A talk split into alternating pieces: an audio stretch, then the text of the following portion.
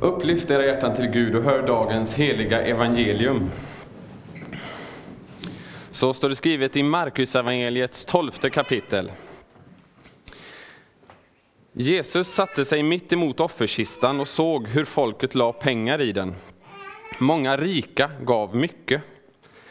Där kom också en fattig änka och lade i två små kopparmynt, ett par ören. Då kallade han till sig sina lärjungar och sa till dem, jag säger er sanningen, den här fattiga änkan gav mer än alla de andra som la något i offerkistan. Alla andra gav av sitt överflöd, men hon gav i sin fattigdom allt som hon hade att leva på. Så lyder det heliga evangeliet. Lovad vare du, Kristus. Nåd vare med er och frid från Gud, vår far och vår Herre Jesus Kristus. Låt oss börja med att be. Inför ditt ord, och Jesus, oss stilla gör och fram till livets källa av nåd oss för. Du ser i varje hjärta dess djupa nöd. Du ensam kan oss mätta med livets bröd. Herre Jesus, vi ber dig nu att du i denna stund ska låta ditt ord få öppna våra hjärtans ögon så att vi ser undren i din undervisning. Det ber vi i ditt namn. Amen.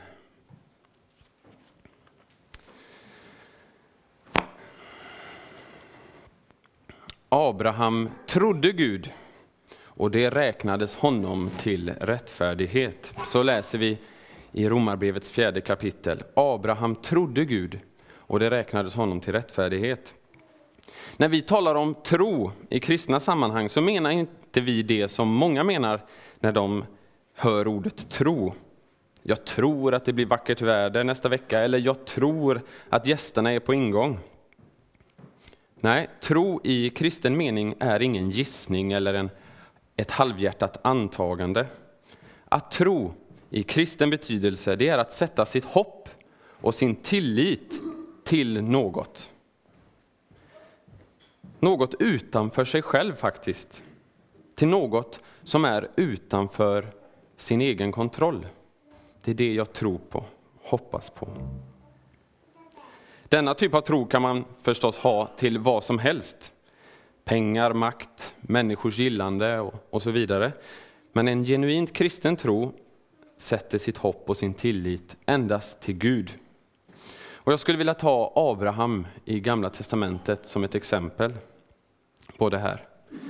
Han fick lämna all mänsklig trygghet i Haran, sitt land, sin släkt, sin allra närmaste familj. Saker som för många innebär trygghet, säkerhet och acceptans. Abraham lämnade allt detta för att på Guds kallelse gå mot det utlovade landet och där vänta på att Gud skulle infria löftet om, den ut, om det utlovade folket. Och vi känner till, det var en prövning för Abraham. Både Abraham och Sara, han blir så gamla så att det mänskligt sett inte fanns någon chans att de skulle få några barn. Inga efterkommande, inget stort folk. Men Gud hade lovat. Gud hade gett ett löfte. Det sägs om Abraham, där hoppet var ute hoppades han ändå och trodde. Där hoppet var ute hoppades han ändå och trodde. Det fanns ingenting hos Abraham själv som gav anledning att tro eller hoppas. Vid det här laget så kunde han inte heller förtrösta på att han var omskuren, för det var han inte. Han kunde inte förtrösta på att han hade fått lagen, för den hade han inte fått. Om, hans, om han själv, hans liv och hans framtid skulle ha något hopp, så fick han sätta det till något utanför sitt eget, något utanför sig själv. Som ett ankare som fäster i en stabil grund. Han fick fästa sitt hopp till Gud. Han hade inget annat att fästa sitt hopp vid. När man får nåden att kunna fästa sitt hopp och sin tro, sin framtid vid den gode Gudens omsorg och hans löften, så kan man också bli fri. Bli fri och släppa det egna, det självfokuserade. Och få upp ögonen för sina medmänniskor. Och kanske få nåden att vara ett instrument för Guds godhet och omsorg också mot dem. När jag kan släppa det självfokuserade så får jag upp ögonen för mina medmänniskor.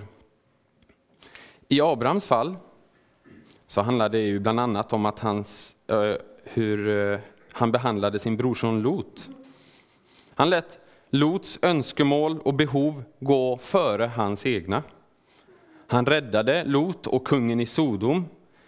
Han räddade deras egendom och han krävde ingenting tillbaka för att han hade gjort det.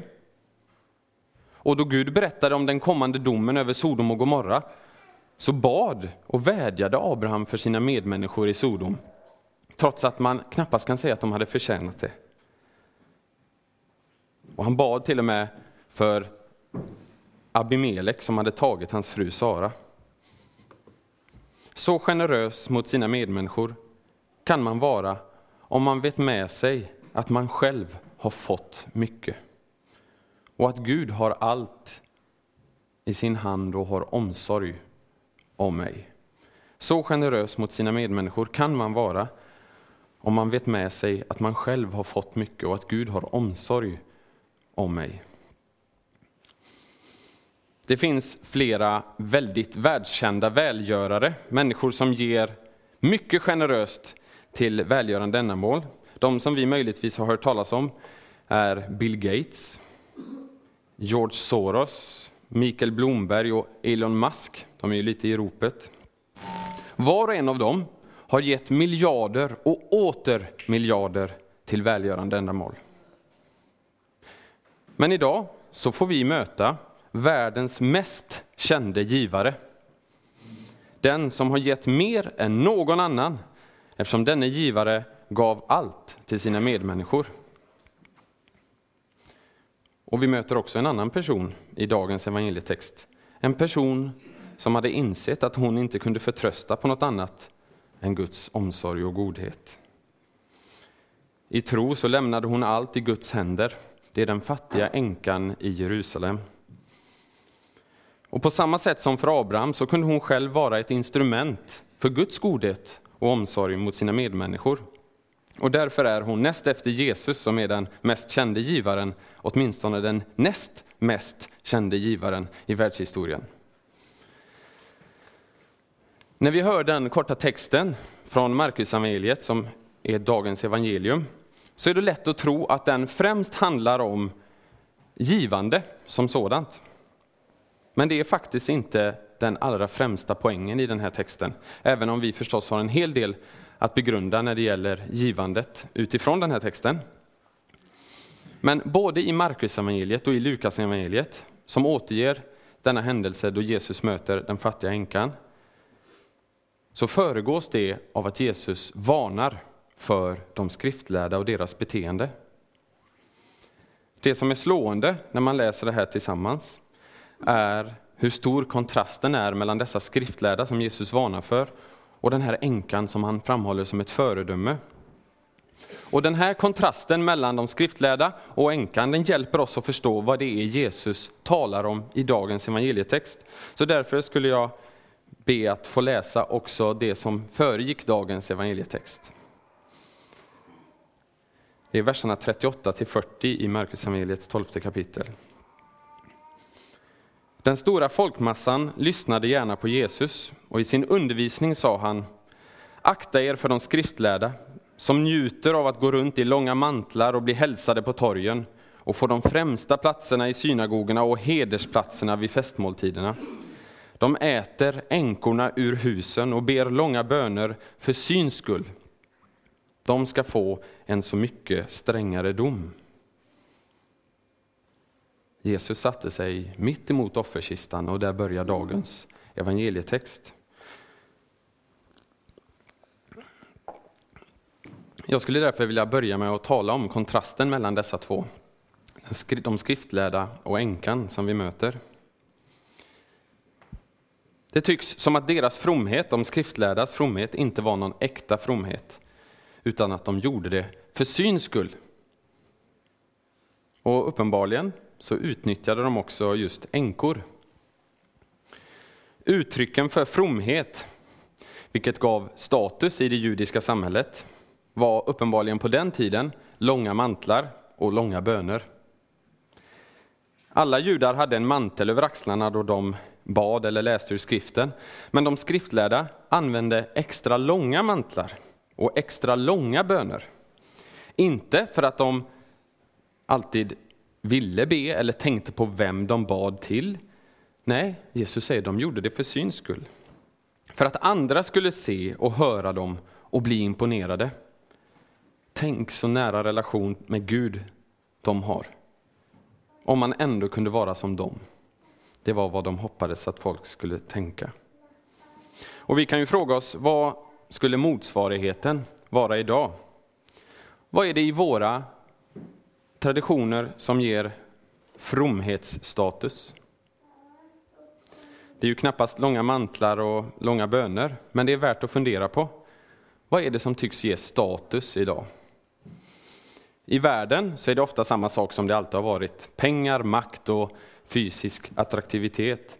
Men även i andliga sammanhang, som vårt eget, så bildar sig den gamla människan i oss en uppfattning om vad som ger status. Hur man talar, vilka böcker man ska läsa, hur glad över tron man verkar, eller hur sorgsen över synden man är. Hur strikt man är eller hur öppen man är. Vår gamla människa söker det som ger oss fördelar och ära och förhåller sig till andras status på samma sätt. Man ser på någon annan och känner antingen högmod eller missmod. För de skriftlärda på Jesu tid så gav det här beteendet utdelning. Folket hälsade de skriftlärda på ett särskilt sätt när de kom gående. De gav dem äroplatserna vid festerna. Och om jag har förstått saken rätt, så var det ofta så att de erbjöd sig att hjälpa dem som hade blivit änkor med arvet. Och tydligen var det inte sällan så att de såg till att tillförskansa sig en hel del av arvet själva. Under sken av att de var under lag och rätt. Vilket ledde till att änkorna blev fattigare och mer hjälplösa än de egentligen hade behövt att vara. De äter änkorna ur husen, säger Jesus. Och de blev rika själva på kuppen. Och det här beteendet, det fick passera, för de var ju så fromma. När vi läser om de skriftlärda ska vi inte främst fastna vid uttrycken för deras hyckleri. Det är i sig, så att säga, inte fel med något av det yttre som de gjorde. Det är inte fel att be länge. Det är inte fel att ha en lång eller kort mantel. Mantellängden är ju oväsentlig och längden på bönen detsamma. Det som är problemet är varför de gjorde som de gjorde. Och svaret är egentligen ganska enkelt. Huvudsaken för dem var de själva och deras vilja och upplevda behov. De satte sin tro till det som de upplevde gav dem trygghet och det var sist och slutligen inte Gud och hans vilja. Istället satte de sin tro till sin egen yttre fromhet som gav dem det de ville ha, beundran, rikedom och en acceptans. I beundran över deras fromhet och rikedomen de kunde bygga på det kände de sig trygga och tycks, om vi, ska, om vi hör Jesus här, inte ha brytt sig nämnvärt hur det drabbade deras medmänniskor. Och det här statushöjande beteendet, fromhetsstatushöjande, det krävde de också av andra för att de skulle få passera som fromma. Av olika skäl så klarade människor inte alltid att leva upp till deras egenkonstruerade regler och konventioner.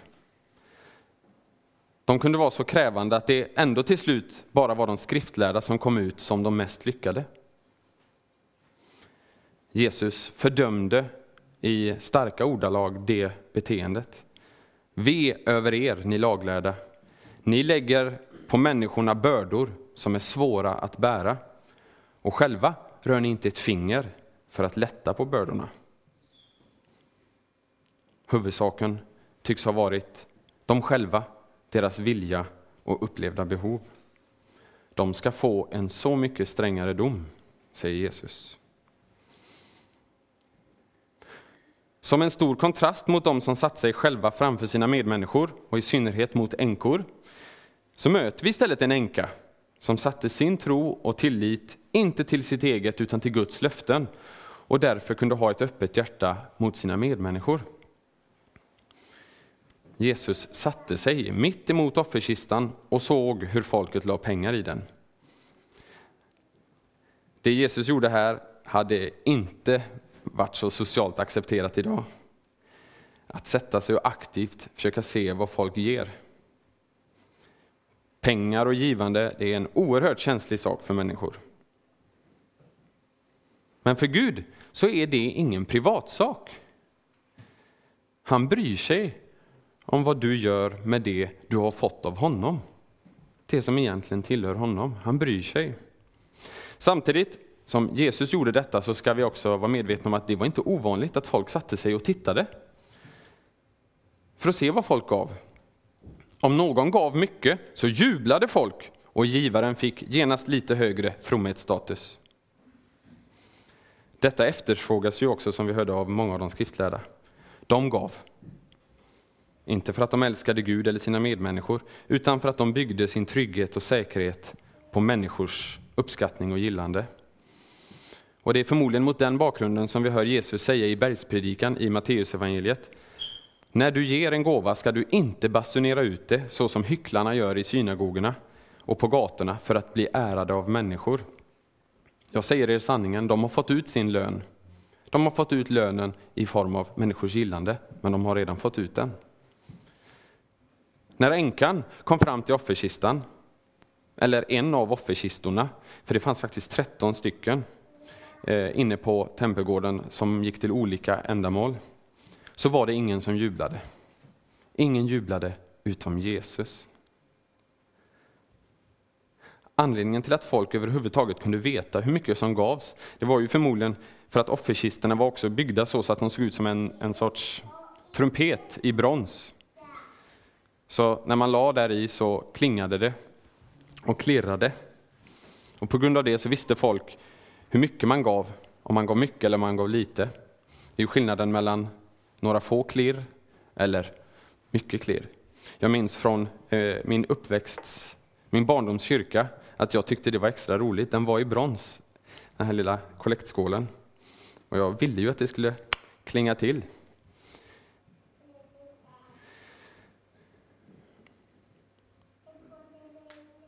När änkan la ner sina små mynt så klirrade det inte mycket. Hon gav, läste vi, två lepton, står det på grekiska. Lepton, det var den allra minsta myntenheten. Och det var värt en 128 dels dagslön. Varje kopparmynt skulle räknat från medianlönen idag motsvara ungefär 10 kronor. Och änkan gav två sådana, 20 kronor med dagens, med dagens eh, löner mätt. Och det klirrade inte så mycket. Det var ett riktigt magert givande i jämförelse med andra. Men det var allt hon hade.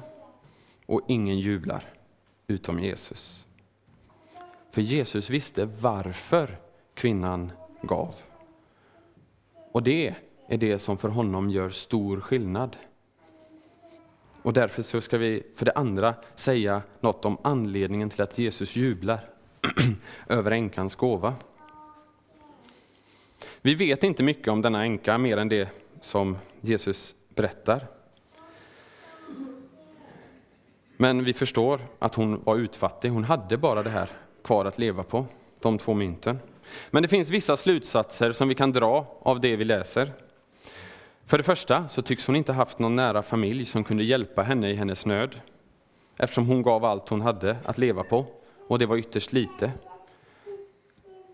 ytterst lite, det var egentligen för lite. Det, det gick inte att leva på. Men hon hade uppenbarligen ingen nära, nära familj som kunde hjälpa henne. För det andra så tycks hon heller inte haft några barn. För då hade det inte varit helt rätt att ge bort allt.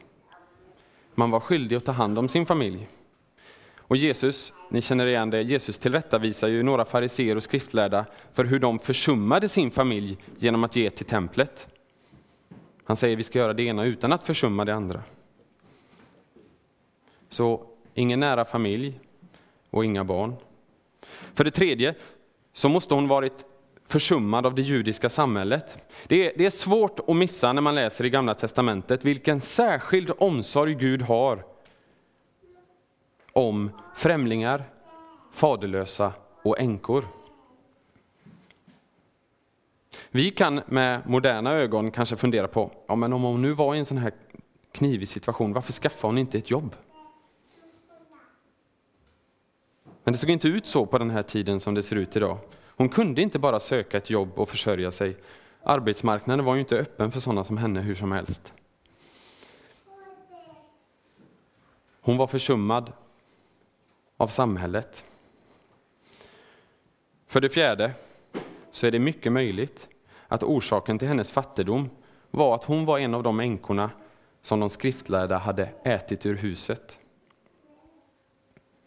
Genom att förvalta bort det arv som hon hade efter sin make. Det som klirrade högt och ljudligt i offerkistan då de skriftlärda gav och som fick andra att jubla, det är mycket möjligt att det var hennes arv. Denna kvinna som befinner sig i en helt omöjlig situation. En situation som mänskligt sett är fullständigt hopplös, utan resurser, utan personligt stöd, utan förmåga att själv påverka sin situation, utan något yttre att visa upp eller vända sig till och hoppas på. Hon hoppas ändå på Gud. Där allt hopp var ute hoppades hon ändå och trodde. Jesus jublade och gjorde en stor sak av hennes ytterst lilla gåva. Han kallar till sig sina lärjungar, läser vi, för att visa på ett fantastiskt exempel. Han jublar därför att han vet att till skillnad från många av de skriftlärda och de rika, så gav hon i tro. De gav av sitt överflöd, det vill säga det som de faktiskt inte ens behövde själva. De offrade faktiskt ingenting. När man ger av sitt överflöd, det man egentligen inte behöver själv, så offrar man inget. De offrade ingenting. De förtröstade fortsatt på sina egna resurser, sina egna förmågor, men sökte ändå folks beundran för deras skenbara givmildhet och fromhet. Men den här änkan, genom att ge allt hon hade, hon la sig själv och allt vad hon var, hela sitt liv, i Guds händer. Hon litade på att Gud såg henne och hennes behov. Och därför så behövde hon inte hålla något tillbaka när hon såg andras behov. Hon kände Guds hjärtelag mot henne i den situationen. Hon kände till ett av de namn som Gud hade uppenbarat om sig själv i Saltaren, Saltaren 68. Herren är hans namn, jubla inför honom, de faderlösas fader och änkornas försvarare. Gud i sin heliga boning. Hon kände till det. Hon visste hur Gud hade lett upp till detta namn. Då David skriver, Herren bevarar främlingen och stöder faderlösa och änkor. Men de gudlösas väg gör han krokig. Hon visste vad Gud i sitt ord hade uppmanat sitt folk. Änkor och faderlösa ska ni inte behandla illa. Hon litade på det Gud själv hade lovat. I Jeremias bok så läser vi Lämna dina faderlösa, jag ska hålla dem vid liv. Dina änkor kan lita på mig, säger Gud. Och han säger också, för Israel och Juda är änkor inte övergivna av sin Gud, av Herren Sebaot, fastän deras land är fullt av skuld mot Israels helige. Med full förtröstan och tilltro till Guds ord och löfte så ville hon med sin lilla och i människors ögon oansenliga gåva ge sig själv till den som hade lovat att ge henne allt.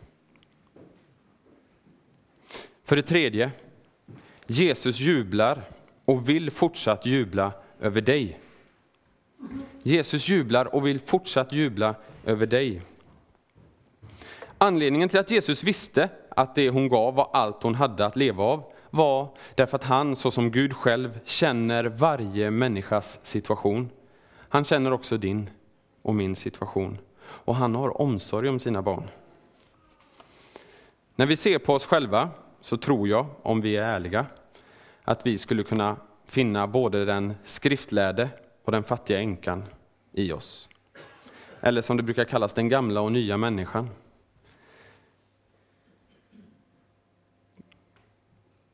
Vi kan förhoppningsvis känna igen oss också i Paulus ord. Till min inre människa så glädjer jag mig över Guds lag men i mina lemmar ser jag en annan lag som kämpar mot lagen i mitt sinne och gör mig till fånge under syndens lag i min kropp. Det kristna livet är inte lätt. Och det vore fel att säga något annat. Det är inte lätt. Vi upplever en kamp inom oss. Vi reagerar instinktivt väldigt negativt på det vi hör om de skriftlärda och de rika som Jesus talar om. Men vi kan förhoppningsvis märka att vi har mycket gemensamt med dem. Vi kan också gå in i den här jakten efter fromhetsstatus. Vi är också hycklare. Och bland dem är jag den störste. Med våra munnar så bekänner vi Jesus, men med våra hjärtan förtröstar vi ofta på något annat. Och jag säger att vi förhoppningsvis känner igen oss, därför att det är endast när vi ser, när du ser det som, som inte är rätt, som du kan bli som den fattiga änkan som sätter sin förtröstan inte till sin, sig själv, utan till Guds förlåtelse och omsorg. Den fattiga änkan i oss, den nya människan som Gud födde på nytt i vårt dop, kan vi nog ibland märka också. Det är det i oss som glädjer sig över Gud. Eftersom vi i mötet med Guds ord inser att vi oss själva inte har något att hoppas på, men vi har Gud. Vi har Gud med oss, Immanuel. Och vi har människan, den sanna människan, översteprästen, som har medlidande med oss i vår andliga fattigdom. Också du och jag kan få tillägna oss löftet som Gud gav till änkorna i Israel och Juda. Andligt fattiga är inte övergivna av sin Gud, av Herren Sebaot, fastän deras liv är fullt av skuld mot Israels helige. Andligt fattiga är inte övergivna av sin Gud, av Herren Sebaot, fastän deras liv är fullt av skuld. Jesus Kristus som hade allt, han som var till i Guds gestalt, han räknade inte jämlikheten med Gud som segerbyte, utan utgav sig själv, tog en tjänares gestalt och blev människan lik. Jesus är världens mest kände givare, den som har gett mer än någon annan eftersom denne givare gav allt till sina medmänniskor. Han offrade på allvar, inte av sitt överflöd, utan allt. Inte guld eller silver, utan sitt heliga, dyrbara blod för sin medmänniska, för dig. Varför då?